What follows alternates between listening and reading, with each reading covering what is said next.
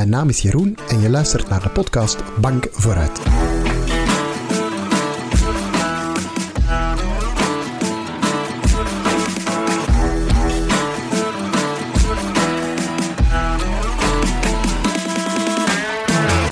Als er één ding is wat we allemaal met elkaar gemeen hebben, dan is het wel school.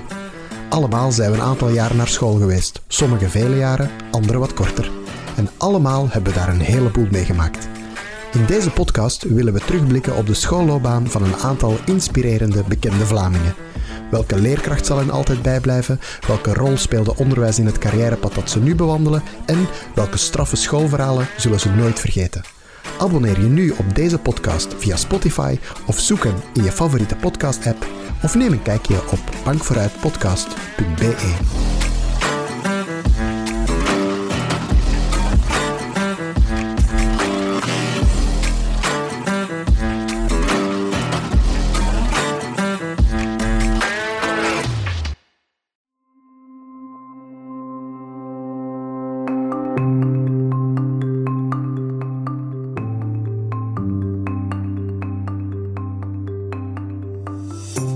Leiderschap is niet iets van achter een bureau. Dat is front office eigenlijk. Dat is rondlopen, praten, luisteren, zien. Hallo en welkom bij Buiten de Krijtlijn. Mijn naam is Renke van Hoek en dit is uw podcast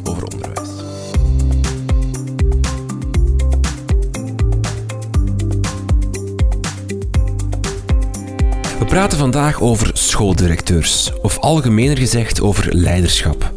Want een goede, effectieve schoolleider kan wel degelijk het verschil maken.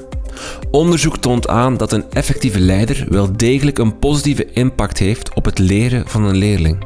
We praten hierover met Machteld Verbrugge. Machteld is voormalig algemeen directeur van Thomas More en werkt nu bij het expertisecentrum Onderwijs en Leren van Thomas More, waar ze onderzoek doet naar leiderschap en HR. Wat maakt een effectieve schooldirecteur? Machteld Verbrugge legt het ons uit.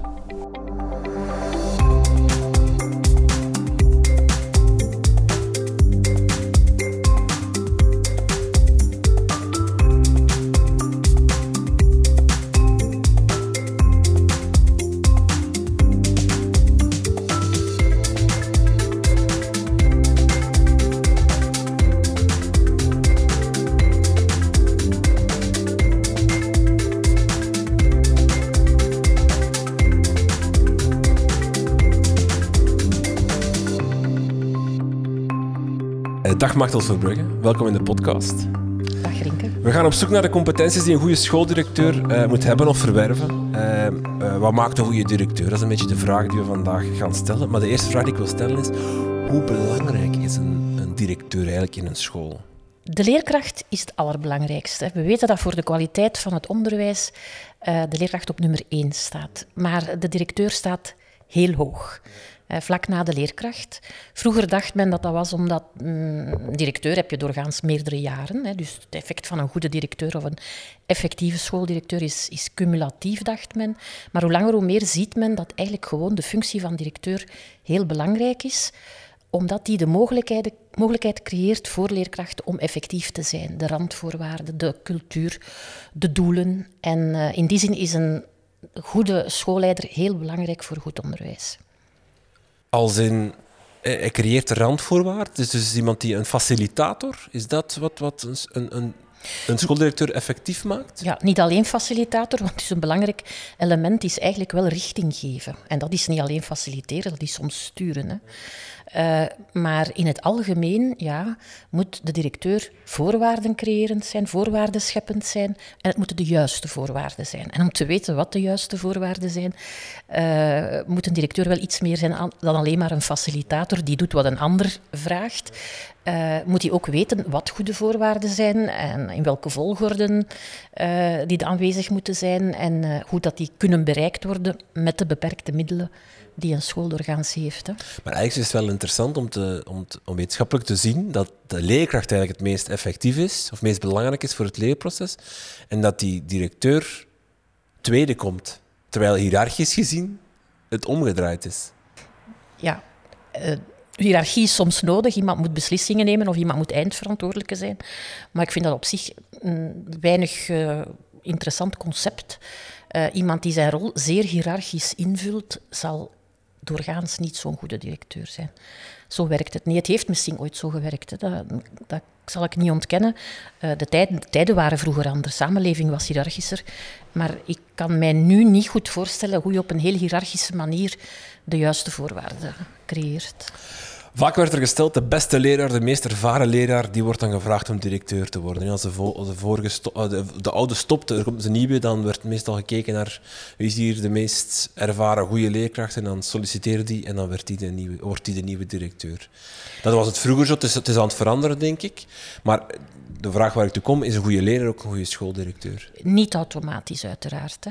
En men heeft uh, ruimer gaan zoeken, omdat men gemerkt heeft dat je een hele goede leerkracht kunt zijn en toch niet de juiste competenties hebben of ontwikkeld hebben om directeur te zijn. Maar het heeft toch wel voordelen als je een goede leerkracht was. Um, al was het maar omdat je dan ook gezag hebt. Je weet waarover je praat. Niet op basis van hiërarchie, basis van macht, maar op basis van autoriteit in de zin van men gelooft wat je zegt, want men weet dat je weet waarover je praat. Dus in die zin is dat zeker, uh, zeker goed. Um, het is natuurlijk ook zo dat je voor, voor leerkrachten ook kan model zijn dan. Hè? Uh, maar het is niet voldoende. Er zijn bepaalde competenties die je moeilijk kunt oefenen als, uh, als leerkracht. Een visie richting aangeven voor de school bijvoorbeeld. Dat is niet direct iets wat je als leerkracht uh, elke dag doet, maar wat heel belangrijk is voor een, uh, voor een directeur. Dus ik zou zeggen, het is niet voldoende, maar het helpt. Ben ik juist in de veronderstelling dat, dat dat vroeger misschien meer waar was dat een goede leerkracht ook een goede directeur was, dan nu, in de zin dat, het, dat de job van, van directeur liever nu complexer geworden is dan vroeger? Alles is complexer geworden. Ik denk dat leerkracht zijn vandaag ook veel complexer is dan vroeger. Dus ik denk niet dat het daarmee te maken heeft. Het heeft te maken met een andere visie op leiderschap in de maatschappij, denk ik. Waar het vroeger um, vrij intern gericht was. Uh, verwacht men nu intern was vooral zorgen dat de school goed draaide. En mijn moeder was vroeger schoolhoofd, dus ik heb dat als kind en als tiener van nabij gezien. Hè. Um, ja, dat was vooral zorgen dat de school goed draaide. En natuurlijk aan de schoolpoort met de ouders babbelen en zo. Maar vandaag wordt er stakeholder management verwacht. En inderdaad, die rol is veel ruimer geworden. Uh, maar ik blijf geloven dat het goed is als je veel van onderwijs weet wanneer je directeur wordt dat is toch wel ook de nieuwe tendens. Dat het niet zomaar is dat je ergens een, eh, een bekwame leidinggevende ergens wegplukt en die in een school dropt. En omdat hij dan goed kan communiceren of goed projecten kan leiden of veel visie heeft, dat hij dan automatisch een goede directeur wordt. Kennis van uw terrein, hè, dat noemt men nu expert leadership theory. Uh, waaruit blijkt dat kennis van het domein waarin je leiding geeft, doorgaans leidt tot betere beslissingen en dus tot betere resultaten en meer tevredenheid.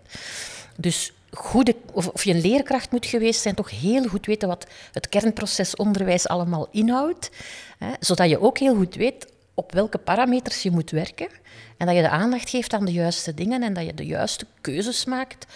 Ja, het helpt toch echt wel om veel daarvan te weten.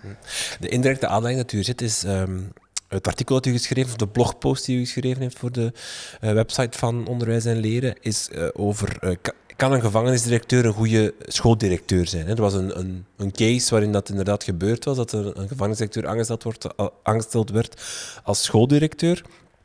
u zegt, als ik nu goed luister, van het is niet zo dat een leider in bedrijf A of een manager in bedrijf A per se ook een goede, alles behalve een goede manager zal zijn in een school als hij geen kennis heeft van onderwijs. Daar, is er zijn ondertussen veel voorbeelden van. Dat zie je ook in, uh, in uh, bedrijfsleven, dat iemand een topmanager is en dan verandert hij van sector en ineens lukt het niet meer zo goed. Dat kan aan allerlei liggen. Ja. Uh, maar het feit dat je je domein goed kent en maakt dat je daar adequaat reageert op situaties die zich voordoen, um, dan maakt u doorgaans een betere leider. Ja. En de gevangenisdirecteur in kwestie heeft dat heel snel beseft, want zij heeft dan bijkomende opleidingen over onderwijs gevolgd en zo. Um, maar het gaat zelfs niet alleen over het domein onderwijs goed kennen, het gaat ook over echt je school goed kennen. Wat is de cultuur? Uh, wat is de geschiedenis? Waarom zijn sommige dingen zoals ze zijn? Uh, welk publiek van leerlingen, van ouders heb ik? Al, als je dat goed weet, hè, uh, dan is de kans groter dat je adequaat reageert.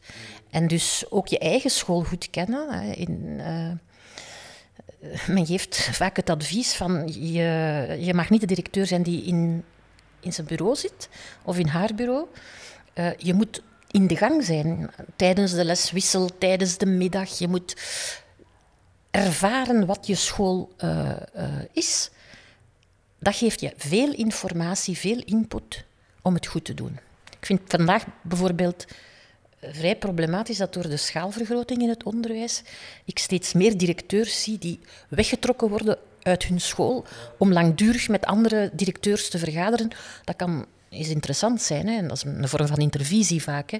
Maar toch zijn het vaak zaken waarvoor men weggetrokken wordt uit de school, terwijl men eigenlijk beter op school zou zijn. Zou je dan adviseren aan het schoolbestuur van als je vanuit intern kan promoten of promoveren, eh, promotie maken, eh, doe het dan. Als je iemand kan aanstellen intern, dan heeft dat een meerwaarde omdat die de school al goed kent?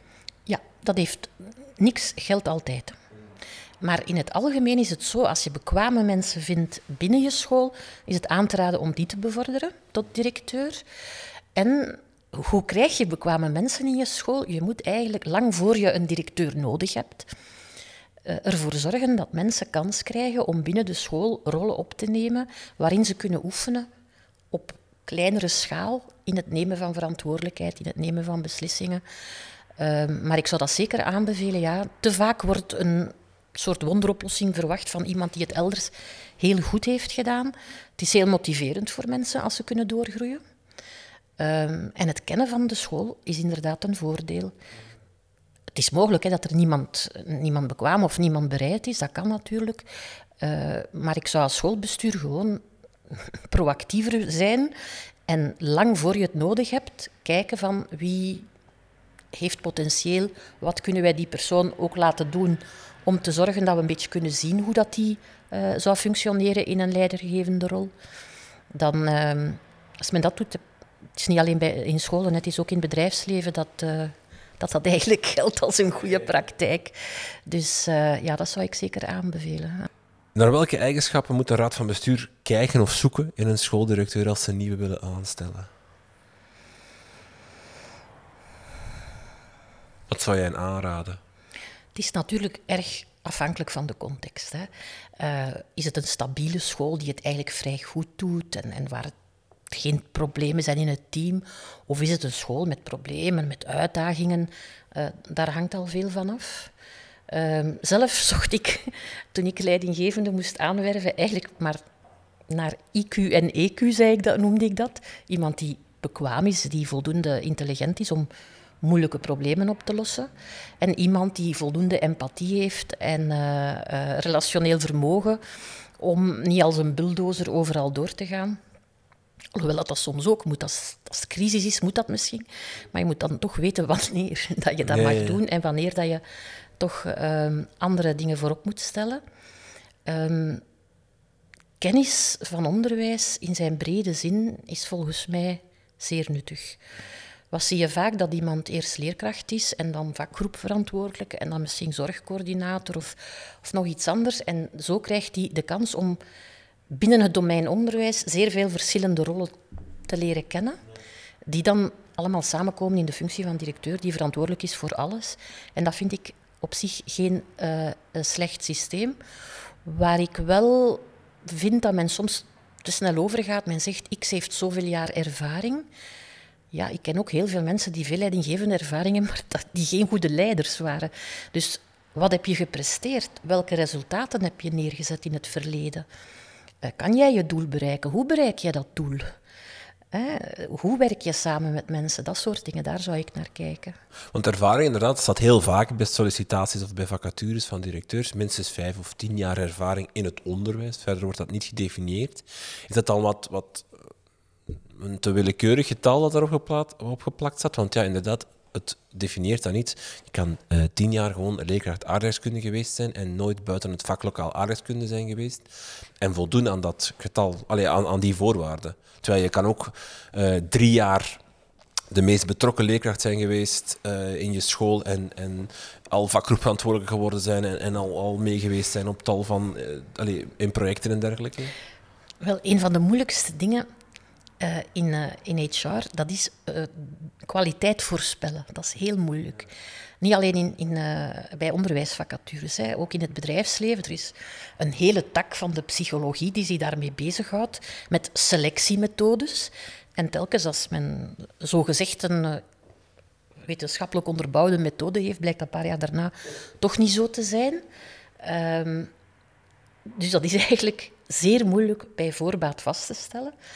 Um, ik keek altijd naar behaalde resultaten.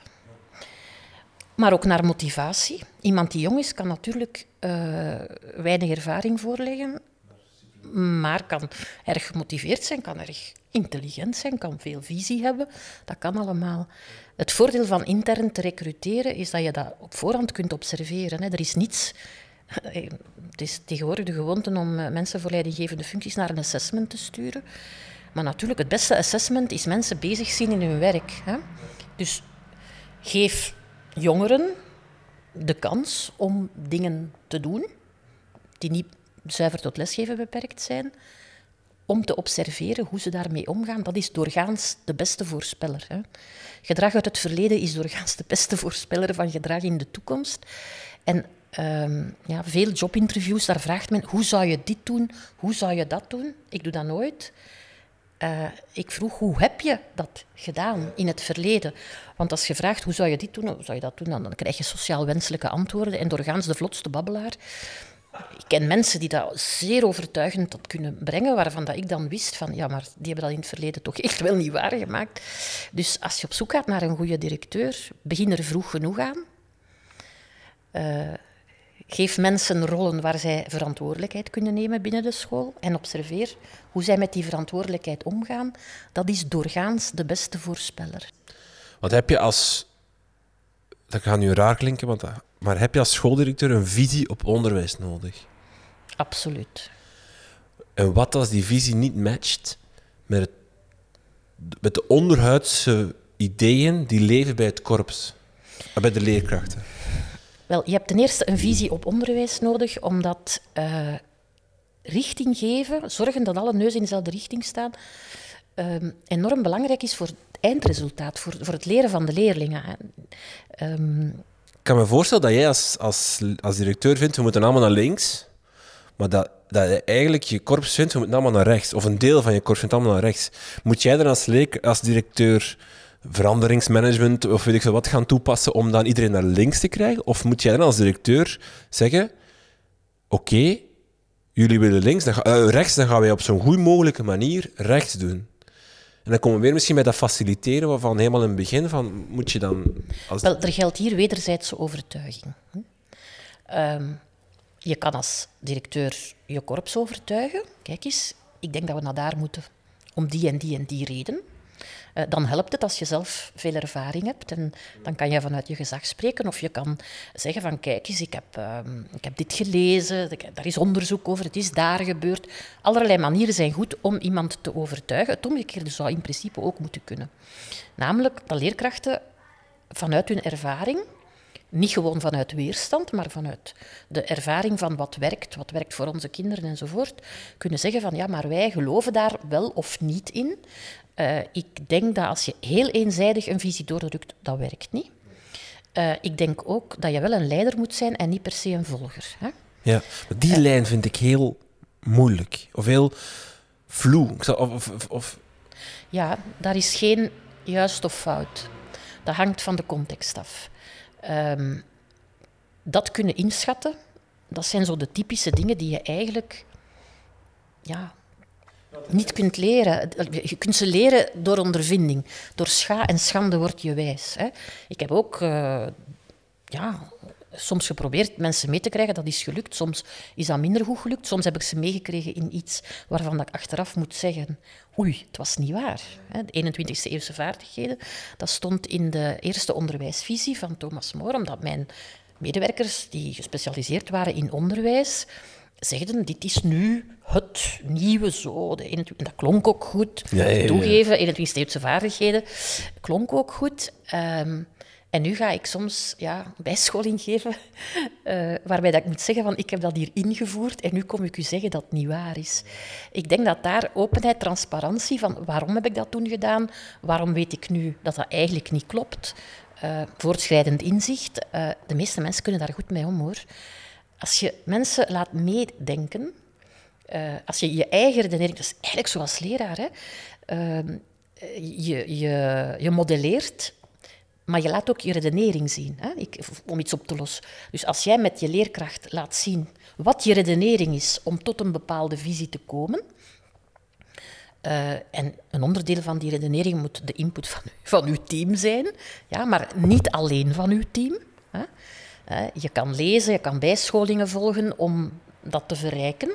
Vooral, ik denk aan de situatie waar een team al alles geprobeerd heeft. En dat heb je vaak in scholen met een een, een, kwetsbaar publiek, waar leerkrachten en, uh, en, en school als geheel al enorm veel projecten heeft gedaan om ja, kinderen beter Nederlands te laten leren of uh, meer te laten lezen enzovoort. Maar waar ze moeten vaststellen, uh, het werkt niet. Ja? Dat is zeker het moment uh, waarop je dan externe erbij moet halen om te zien van waar werkt het wel, kun je daar iets van leren, uh, kunnen wij eens laten toetsen wat we gedaan hebben aan, aan wat men weet dat werkt en dat soort dingen. Uh, maar ehm, zo'n visie ontwikkelen is in het beste geval een, een samenspel tussen input van binnen en input van buiten. En het is de meerwaarde van een directeur om die dingen dan te stroomlijnen en te laten landen. Want dat is wel heel belangrijk. En dat is soms een gevaar. Uh, participatie is belangrijk. Hè? De directeur die komt en alles weet en iedereen gaat doen wat hij zegt, dat bestaat volgens mij niet meer. Participatie is belangrijk. Je moet echt input krijgen van je eigen korps. Maar mag geen praatbarak worden. Dus wat is belangrijk voor participatie? Dat degenen die participeren ook echt weten waarover ze spreken. Dus als je nooit met zorg te maken hebt gehad, moet je niet zorgbeleid gaan proberen te beïnvloeden. Hè? Um, dat is belangrijk. En soms is er geen overeenstemming in het team. Ja, dan toch moet er geland worden. Je mag, kan, je mag dat niet laten aanslepen. Dus daar, soms moet een directeur ook zeggen, ik heb iedereen gehoord, ik beslis dit, daarom. soms kan je de weerstand in het team gebruiken om je gedachten te veranderen. Dus, ze hebben wel een punt, ik ga dat aanpassen. Of het overtuigt u niet, maar dan weet je wel waarover je extra moet communiceren. We doen dit omdat. Ik weet dat er mensen zijn die zeggen, maar ik heb dat zo ondervangen. Dat soort dingen, die gesprekken zijn superbelangrijk. Uh, maar het is echt wel belangrijk dat de school een visie geeft. Het is niet de visie van de directeur, het is de visie van de school. Uh, maar die moet er wel zijn en de directeur moet die uitdragen, moet zorgen dat die geïmplementeerd geraakt, moet de lijn bewaken. Ja. Het gaat dus eigenlijk over je moet als directeur echt goed weten wanneer dat je. Nee, of, of anderzijds, je moet input vragen, maar je moet ook durven op een gegeven moment afdrukken van dit wordt het, jongens. Ja.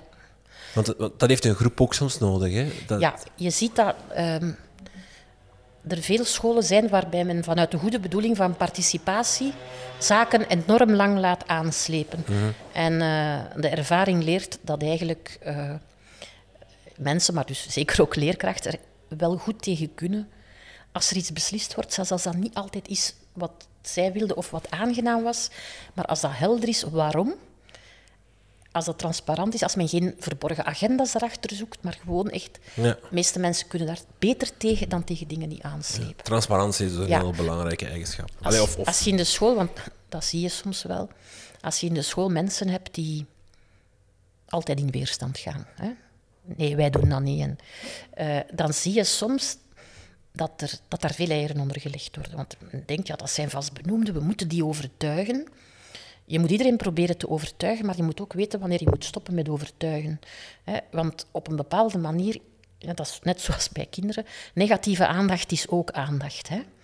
Zolang je de indruk geeft dat er nog een andere beslissing kan komen, kan je weerstand voeden. Hm? Als je blijft vragen en is nu goed en is nog niet goed, dan blijft men weerstand creëren. Dus je moet ook zeggen van, dan ga ik beslissen, dus dit en dit en dit gaan we doen om dat voor te bereiden. Zo ga ik mijn uh, input ophalen. Uh, je moet ook echt luisteren, je moet niet een participatief proces pro forma, want dat gebeurt ook soms. Hè. Ehm, maar dan moet er beslist worden en de beslissing moet uitgevoerd worden. En dan kan het wel, dan is het eigenlijk bijna normaal, dat er tijdens de uitvoering nog bijsturingen zijn en, enzovoort. Maar ehm, niet beslissen is doorgaans echt niet goed. Het is niet voor niks dat voor topmanagement besluitvaardigheid een van de kerncompetenties is. Hè. Je moet ook kunnen beslissen als je nog niet alle informatie hebt en als je niet zeker bent over de uitkomst. Als je dat niet kan, dan zit je niet op de juiste stoel. Dus dat is soms een beetje ja, angstaanjagend soms, hè, omdat je toch veel verantwoordelijkheid hebt. Maar daarvoor ben je er nu. Als iedereen altijd alles in consensus zou kunnen beslissen in het team, dan had je geen directeur nodig, bij wijze van spreken. Dat is, ook, dat is ook iets wat je, wat je, wat je meer en meer hoort. Het, het coöperatieve of het co-creatie, het gedeeld leiderschap. Het, um, het feit dat, dat die directeur is alleenheerser waar dat we misschien van vroeger van komen. Daar stappen we nu vanaf. Dat is, dat is ook een beetje het verhaal met dat participatieve, wat u ook zegt, van, dat is ook voorbij. Het feit dat je als directeur alles besliste en doorduwde. Tegelijkertijd heb je die andere beweging, wat u ook al schetste, van het feit dat we blijven praten en praten en dat er ook geen beslissing genomen wordt. Is, ja, ik vind de, de, definitie van gedeeld leiderschap van de Antwerp Management School een mooie.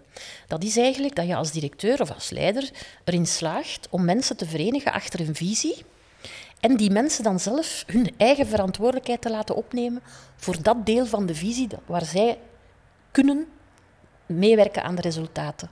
Dus dat je inderdaad dan ehm, niet, niet blijft praten. Hè. Er, er, wordt een beslissing genomen, maar je slaagt erin om een cultuur te creëren waar mensen zeggen: Oké, we gaan naar daar. En mijn bijdrage daaraan is vol, de volgende. En ik neem dat persoonlijk leiderschap of het leiderschap van mijn teampje op zonder dat iemand mij heel de tijd moet komen zeggen wat ik exact moet doen. Ja. En, en dan ben jij als directeur gewoon nog degene die moet bewaken dat die visie blijft staan, niet, niet, niet verbreed of, ver, of vernauwd.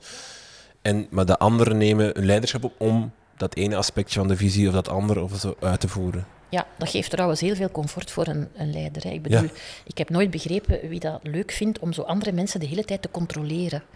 Ik vind dat zelf zeer vermoeiend, ik doe dat niet graag doe dat eigenlijk nooit. Uh, wat dat wel belangrijk is, is als je als leider erin slaagt om één, te zorgen dat die visie voor iedereen helder is, dat iedereen dat goed begrijpt, want dat is niet altijd. Dus geen wollige visie. Um, we gaan het kind maximaal ontplooien. Ah ja, maar wat is dat dan juist? Hè? Uh, het beste uit elk kind halen. Ja, maar wat is dat juist? En hoe gaan we dat juist doen? Is helderheid dan ook zo? Hey, besluitvaardigheid is zo'n belangrijke competentie, maar helderheid als in helder communiceren, komt er dan, dat, woordje communiceren komt er dan achter, maar ook misschien met die transparantie, het feit dat je helderheid kan scheppen over, kijk, dit gaan we doen, dit hebben we gedaan, dit hebben jullie, Allee, zo, dat je daar dat je helderheid kan overbrengen naar je team over, over wat je beslist hebt, wat je gaat beslissen, hoe dat de visie is, waaruit alles vertrekt, dat je dat kan scheppen. Wel, je hebt enerzijds de transparantie, de helderheid van de transparantie. Uh, ik ben daar een groot voorstander van. Uh, ik begrijp niet waarom veel mensen daar zo bang van zijn. Uh, als je heel transparant bent, dan moet je ook niet voortdurend nadenken, wat, wat, wat, mag ik nu zeggen, wat mag ik niet zeggen, want dat, dat is, als directeur weet je veel. Hè. Dus alleen privégegevens, GDPR-gewijs, ja, daar mag je niet over communiceren, maar in principe Um, Waarom vergaderingen houden waar dan niemand de, de, de, de, notities van mag lezen? Of de notities ja, van mag ja, lezen? Oh, maar ik heb altijd direct gezegd dat alle vergaderingen, dus alle, alle verslagen publiek waren, behalve dan de persoonsgegevens van. Hè. En um, dan zie je dus op, het, uh, op de SharePoint, hè, op het portaal, een enorme trafiek de eerste twee weken dat dat open staat. En na die eerste twee weken, waarin iedereen naar die verslagen is gaan kijken om vast te stellen dat het eigenlijk een hele saaie boel is, ja. Ehm, zijn ze gerust dat er daar niks geheim of dingen die ze zouden moeten weten en die ze anders niet zouden weten. En dan zie je dat er heel af en toe nog eens iemand komt kijken en eigenlijk staat, staat dat gewoon open en niemand kijkt, want iedereen heeft het veel te druk en men vertrouwt je, want men heeft gezien dat er eigenlijk niks speciaals uh, gebeurt. En... Uh, als je dat doet, dan kan je ook gemakkelijk zeggen als iemand iets vraagt, ja, kijk eens, er is nog niks beslist. Eh, ik ben verschillende pistes aan het overwegen, het is nog niet beslist. Ik zal het u zeggen zodra het beslist is. Um, en dan nemen mensen dat van je aan. Ja, want ze kunnen het volgen. Ja, dus dat is de helderheid, zo de transparante manier van werken. Binnen die transparante manier kan je perfect zeggen, hier kan ik niet over communiceren. Mensen aanvaarden dat. Mensen weten ook, ze zouden ook niet graag hebben dat als er iets over jouw dossier gaat, dat daar dan heel breed over gecommuniceerd wordt. Hè. Dus mensen begrijpen dat perfect. Eh, op voorwaarde dat ze je geloven. Hè. Ze moeten dus gezien hebben dat dat ook echt klopt. De andere helderheid is die van de concreetheid. Ja. Ehm, als je wil dat mensen in een bepaalde richting bewegen, ja, dan moet het wel echt helder zijn naar waar. En dat is juist het moeilijke. Want kiezen is verliezen. Als je een doel kiest, dan wil dus zeggen dat doel en niet mogelijke andere ook nuttige doelen. En te vaak wordt nog ehm, wordt niet gekozen. We gaan dat en dat en dat en dat. En als je dan vraagt, ja, maar en wie gaat dat dan doen? Want met hoeveel zijn jullie? Wat is de tijd? Ja, dat gaat eigenlijk niet, dat weet je op voorhand. Ja, nee, kiezen is verliezen. Dus je kan beter één doel of twee nemen en zorgen dat iedereen in die richting beweegt. En dan zeggen, en we doen iets anders nog niet. We gaan eerst dit doen en dat nog niet. Als iets bereikt is en misschien geïntegreerd in de normale werking, kan je er een nieuw doel bij nemen. En dat is heel belangrijk dat je die keuzes durft maken, want op elke keuze komt kritiek. Hè? Daarvoor krijgen we ook een vraag binnen van Kelly Jacobs, die vraagt, hoe ga je om met weerstand als directeur? Er zijn verschillende soorten weerstand. Je hebt de weerstand die bestaat vanuit oprechte bezorgdheid dat er iets goeds verloren gaat.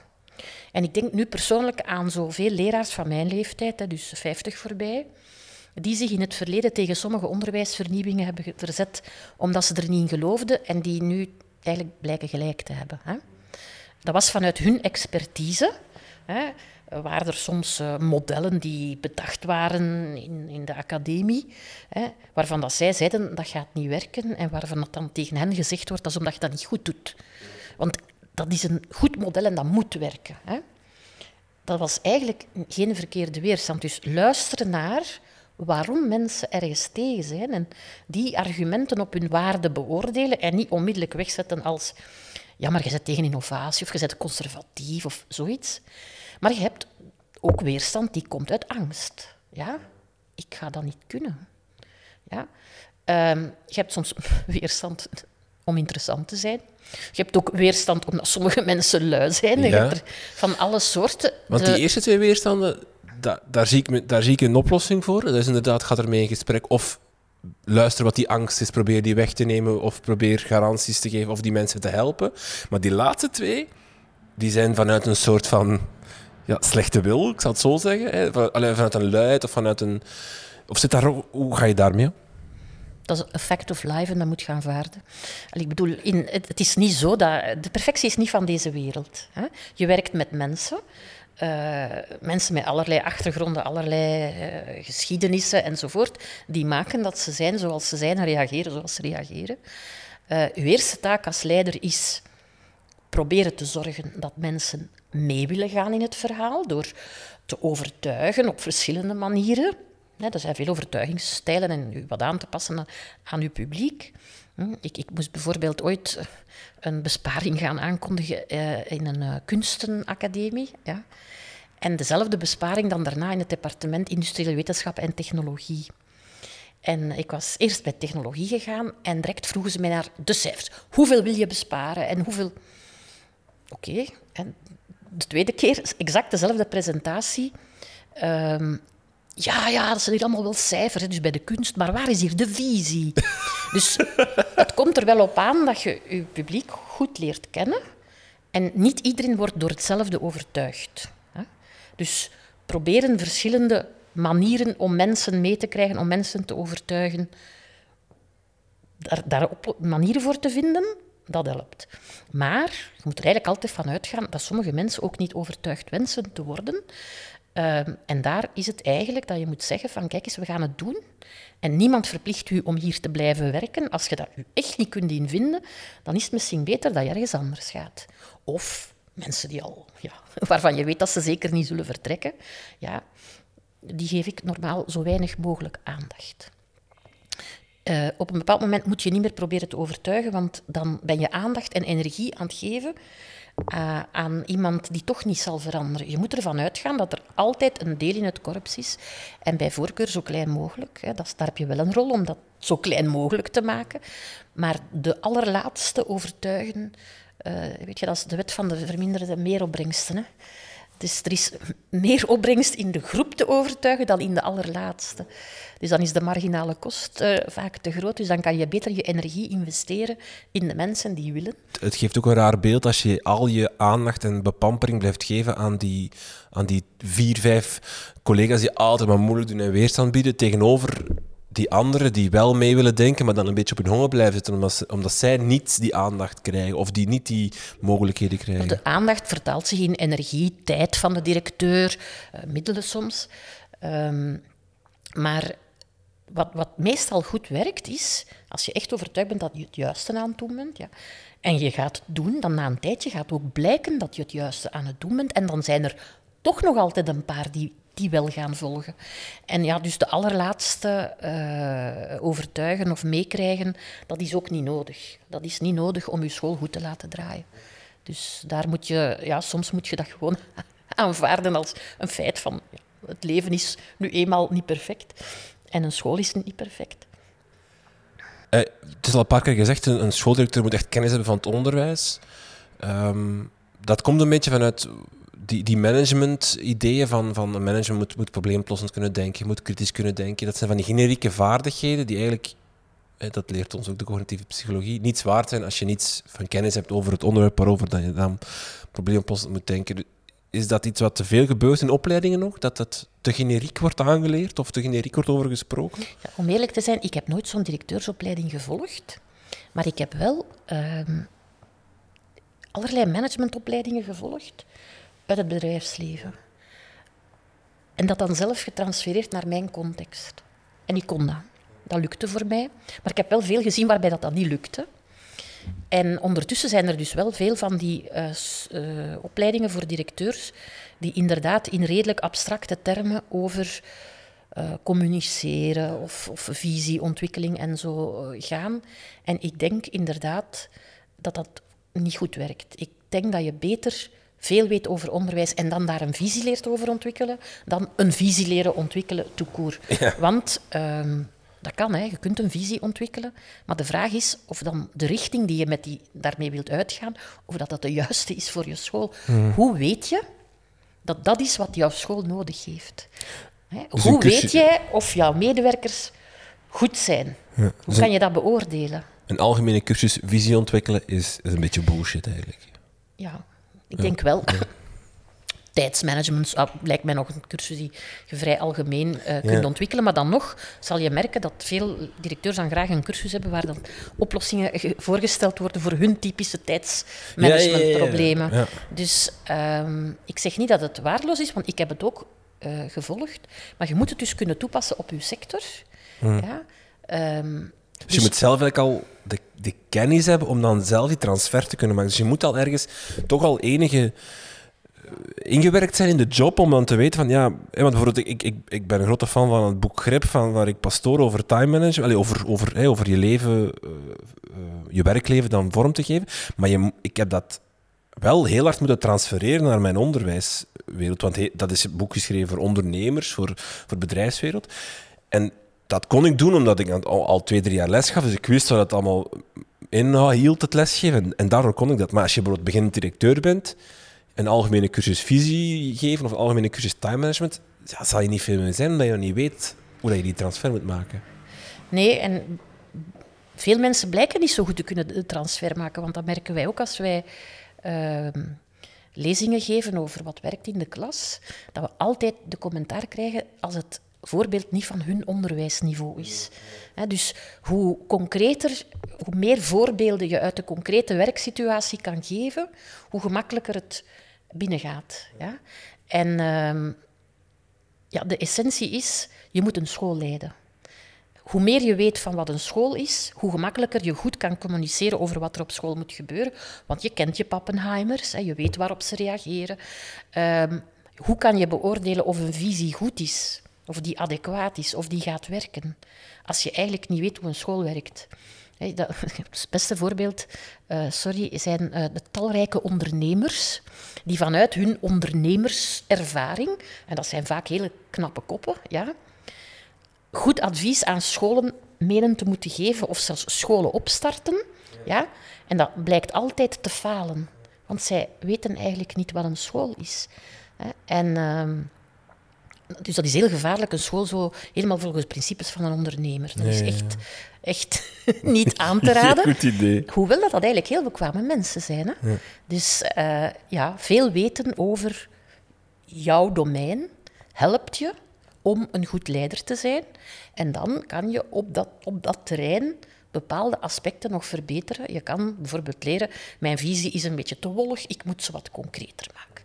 Hè? Um, een begroting maken, ja, dat moet aan bepaalde regels voldoen. Uh, dat kan je leren. Hè. Dat zijn de posten en, enzovoort. Maar wat, wat is dan domeinexpertise? Dat is, oké, er komt een factuur van de energie en die is drie, vier keer zo hoog als ik begroot heb. Waar kan ik dat dan halen binnen mijn begroting, zodat ik zo weinig mogelijk uh, raak aan wat echt belangrijk is in mijn school? Dus dan beslissen, dit kan ik laten vallen zonder grote gevolgen. En als ik dat laat vallen, dan heb ik een groot probleem gecreëerd. Dat is domeinexpertise. Dat kan je alleen als je je organisatie goed kent. En dat is eigenlijk wat ik bedoel daarmee. Hmm. Ze moeten nitty-gritty zijn, schrijft u in het artikel over de gevangenisdirecteur. Wat bedoelt u daarmee? Ja, nitty-gritty, dat komt uit een artikel... Um, Um, maar ik vond, ik vond, daar geen Nederlandse term voor. Ik vind het een leuke term. Het komt er eigenlijk op neer dat heel vaak spreekt men over onderwijsvernieuwing en onderwijsbeleid. En dat zijn altijd verhalen van Big Bang. Hè. Um, geen vakken meer of geen leerjaren meer of geen muren meer tussen de klassen. Dat zijn zo altijd van die grote ideeën. En die blijken vaak te falen, bijna altijd. Hè. Als je echt je je school en je onderwijs wil verbeteren, als je de resultaten van je leerlingen wil verbeteren, ook voor een leraar, maar voor de directeur is dat ook, dan gaat het over tweaks, over dingen die je doet, beter doen. Niet over tabula rasa. Kleine dingen kunnen veel verschil maken. Een directeur die al dan niet aan de poort staat s morgens. Het onthaal in de klas afspraken rond de brooddoos. Het zijn soms kleine dingen waardoor er meer orde in de klas is en er meer kan geleerd worden, of waardoor er een beter contact is met de ouders en uh, de begeleiding van de kinderen beter is. Dat zijn kleine dingen, de manier waarop je de dingen doet, beter doen. De dingen die je normaal doet, geen spectaculaire dingen. Um, daar ligt eigenlijk de grootste winst. Borgen wat goed gaat.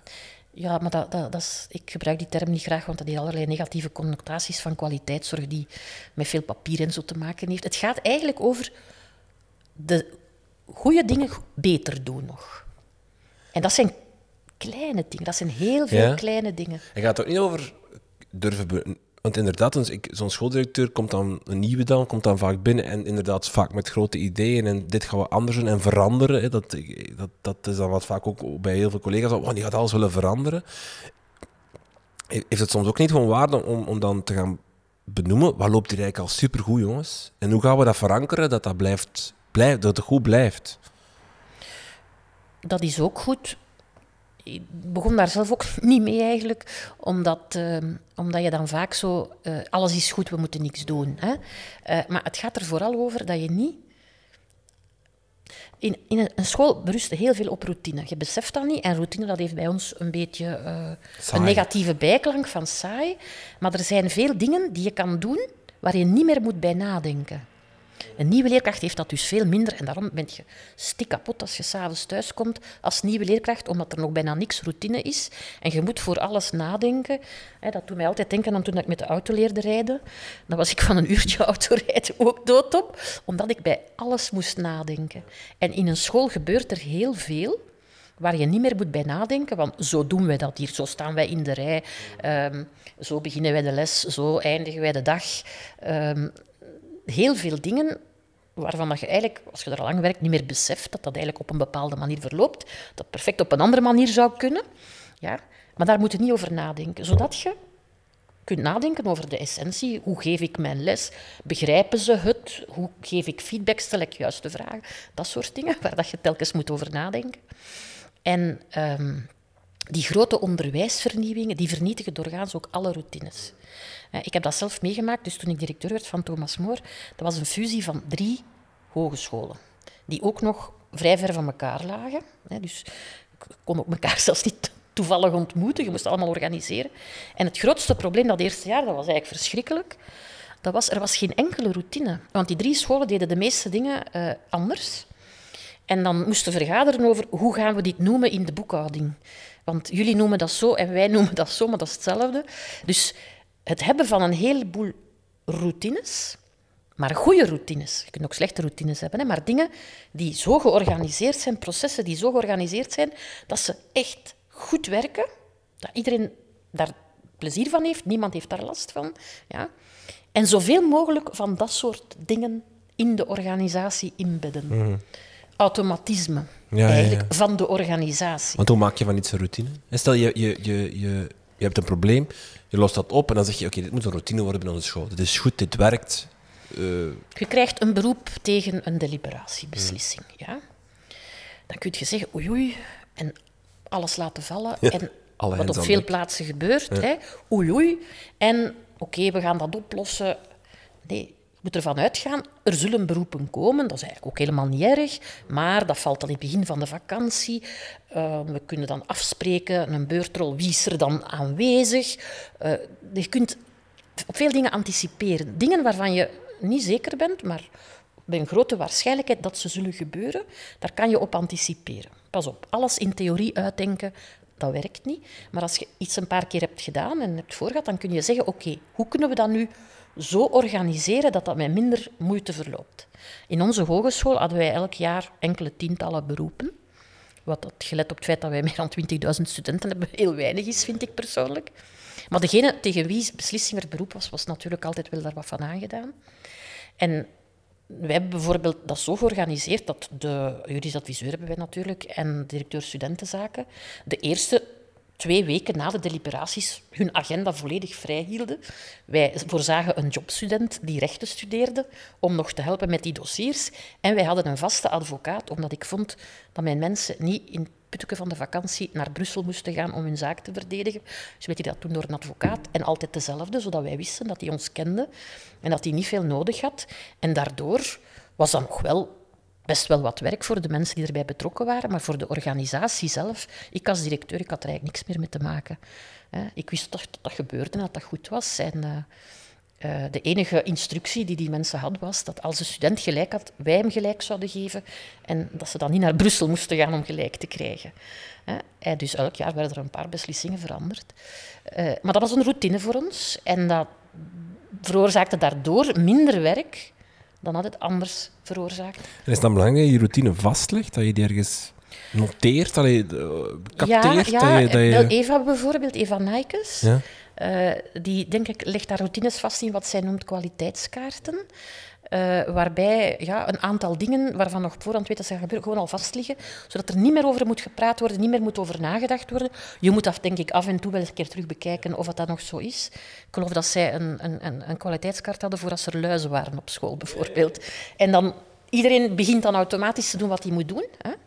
En als je dat, dat soort routines in je school, maar eigenlijk zijn dat gewoon goed werkende processen. Hè? Uh, kunt inbouwen, dan maakt je mentale en andere ruimte vrij om je bezig te houden met de dingen die je nooit routineus mocht doen. De relatie met die kinderen, uh, wat hebben die nodig? Dat is nooit echt routine. Hè?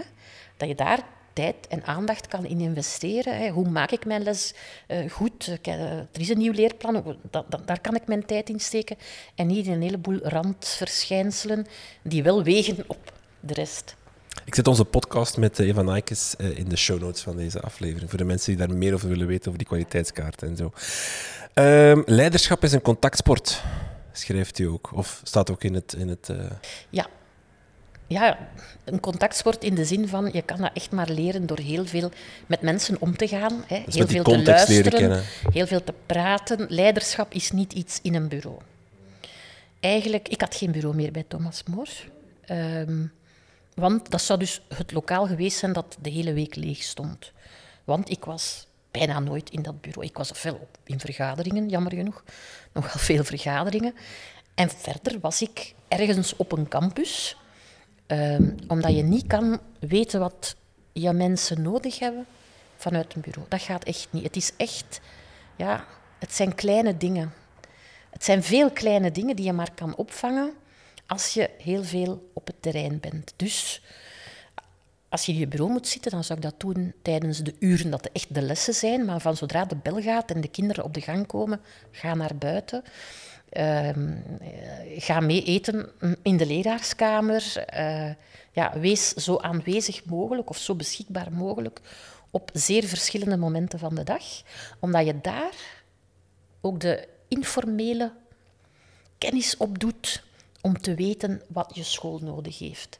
Uh, ik denk denk dat dat bij ons nog meevalt. Ik denk dat vooral in Nederland, uh, waar men zo geprofessionaliseerd leiders had, meer de management, de echte managers zo, die dan een rapport willen waar iets in staat wat je eigenlijk had kunnen zien. Ik heb geen thermometer nodig uh, om te weten dat het buiten koud is als het sneeuwt. Hè? Ja. Hè? Maar, eh, zou ik, ja, zeggen, ik, moet nog, ik ga de verwarming maar opzetten als ik het rapport krijg dat het zo koud is. Nee, het sneeuwt, kom aan, zet dat op.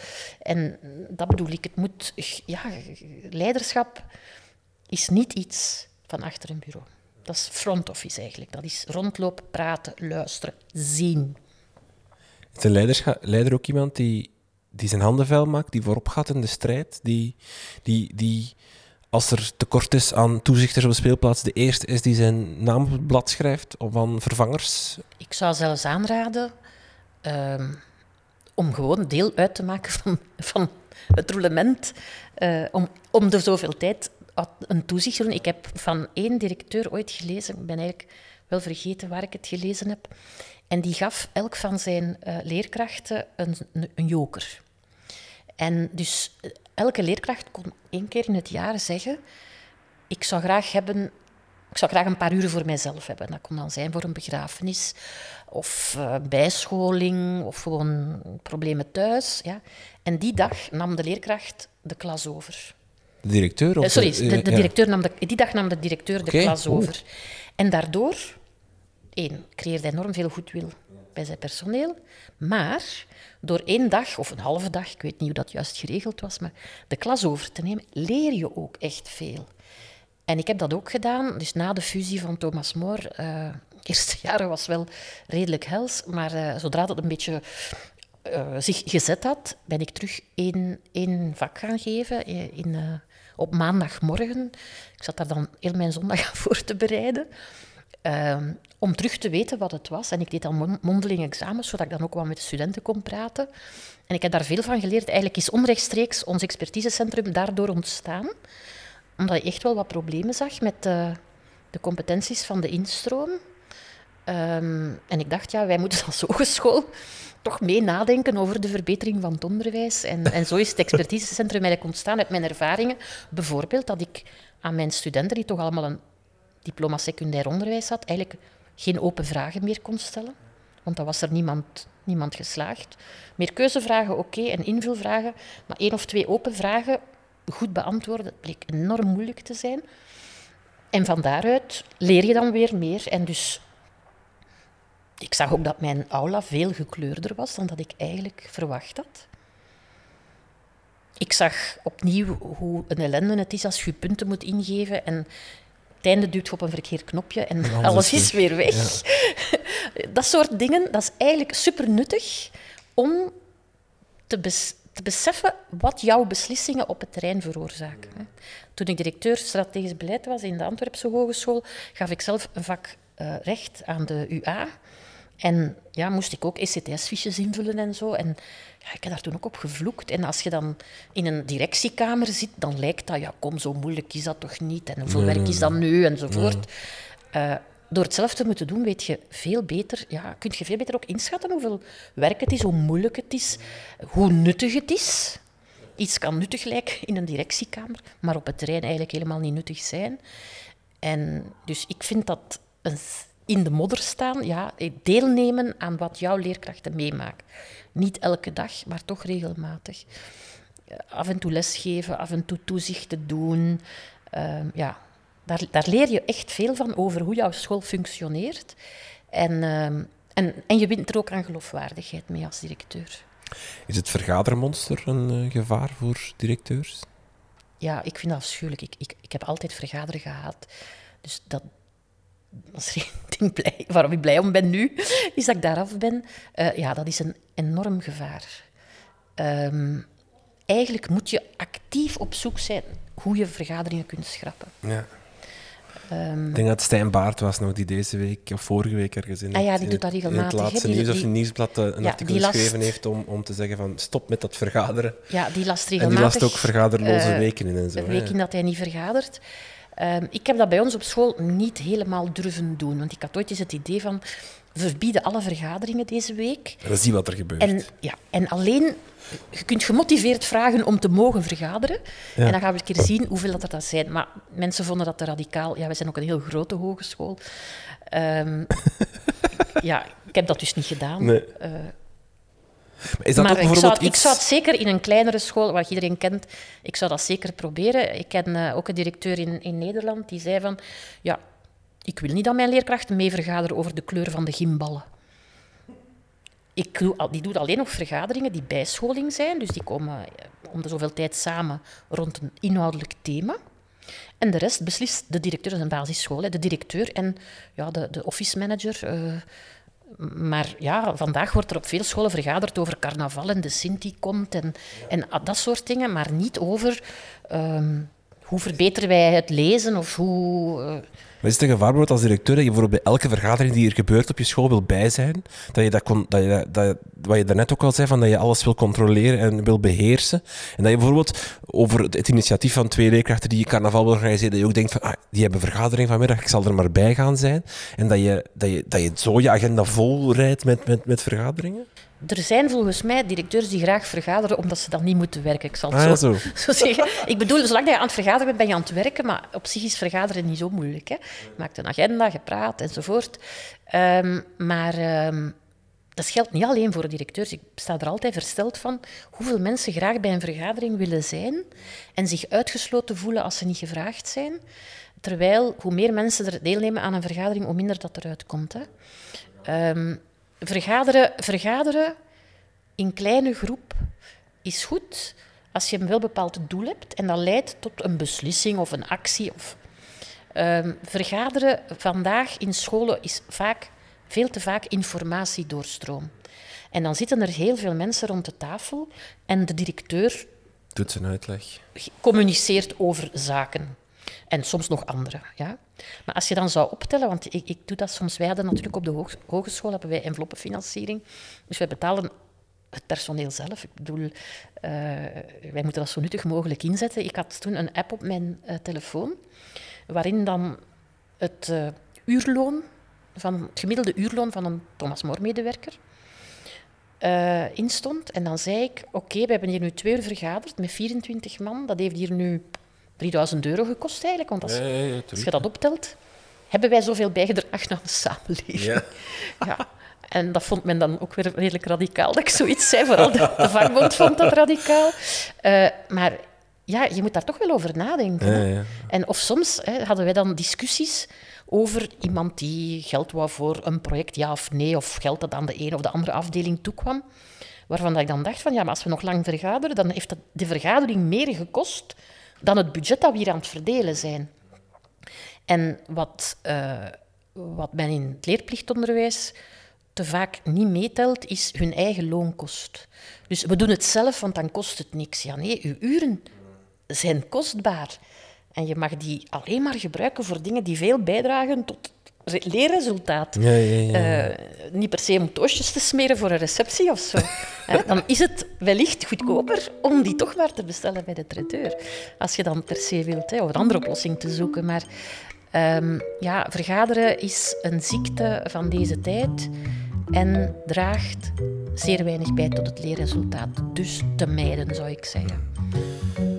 Maakt altijd kijk naar de tijd en we zijn al even bezig. En, maar het, het onderwerp is natuurlijk zo breed, we zouden nog drie, vier podcasts kunnen maken. Ik stel voor dat u, dat u nog eens terugkomt en dat we andere aspecten van leiderschap en directeurschap uh, belichten.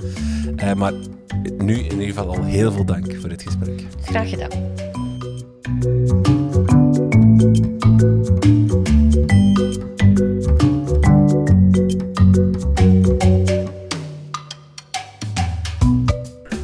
Dit was het dan weer voor deze aflevering van Buiten de Krijtlijnen. Meer info over Martens Verbrugge en leiderschap vind je in de show notes van deze podcast. Blijf op de hoogte van onze plannen en nieuwe aflevering via Twitter, Instagram of Facebook of surf naar onze website www.dekrijtlijnen.be. Daar vind je trouwens ook onze nieuwste podcast, Bank Vooruit. Een podcast waarin Jeroen Heremans op gesprek gaat met bekende Vlamingen over hun schoolloopbaan. Echt een aanrader. Dank voor het luisteren en tot de volgende.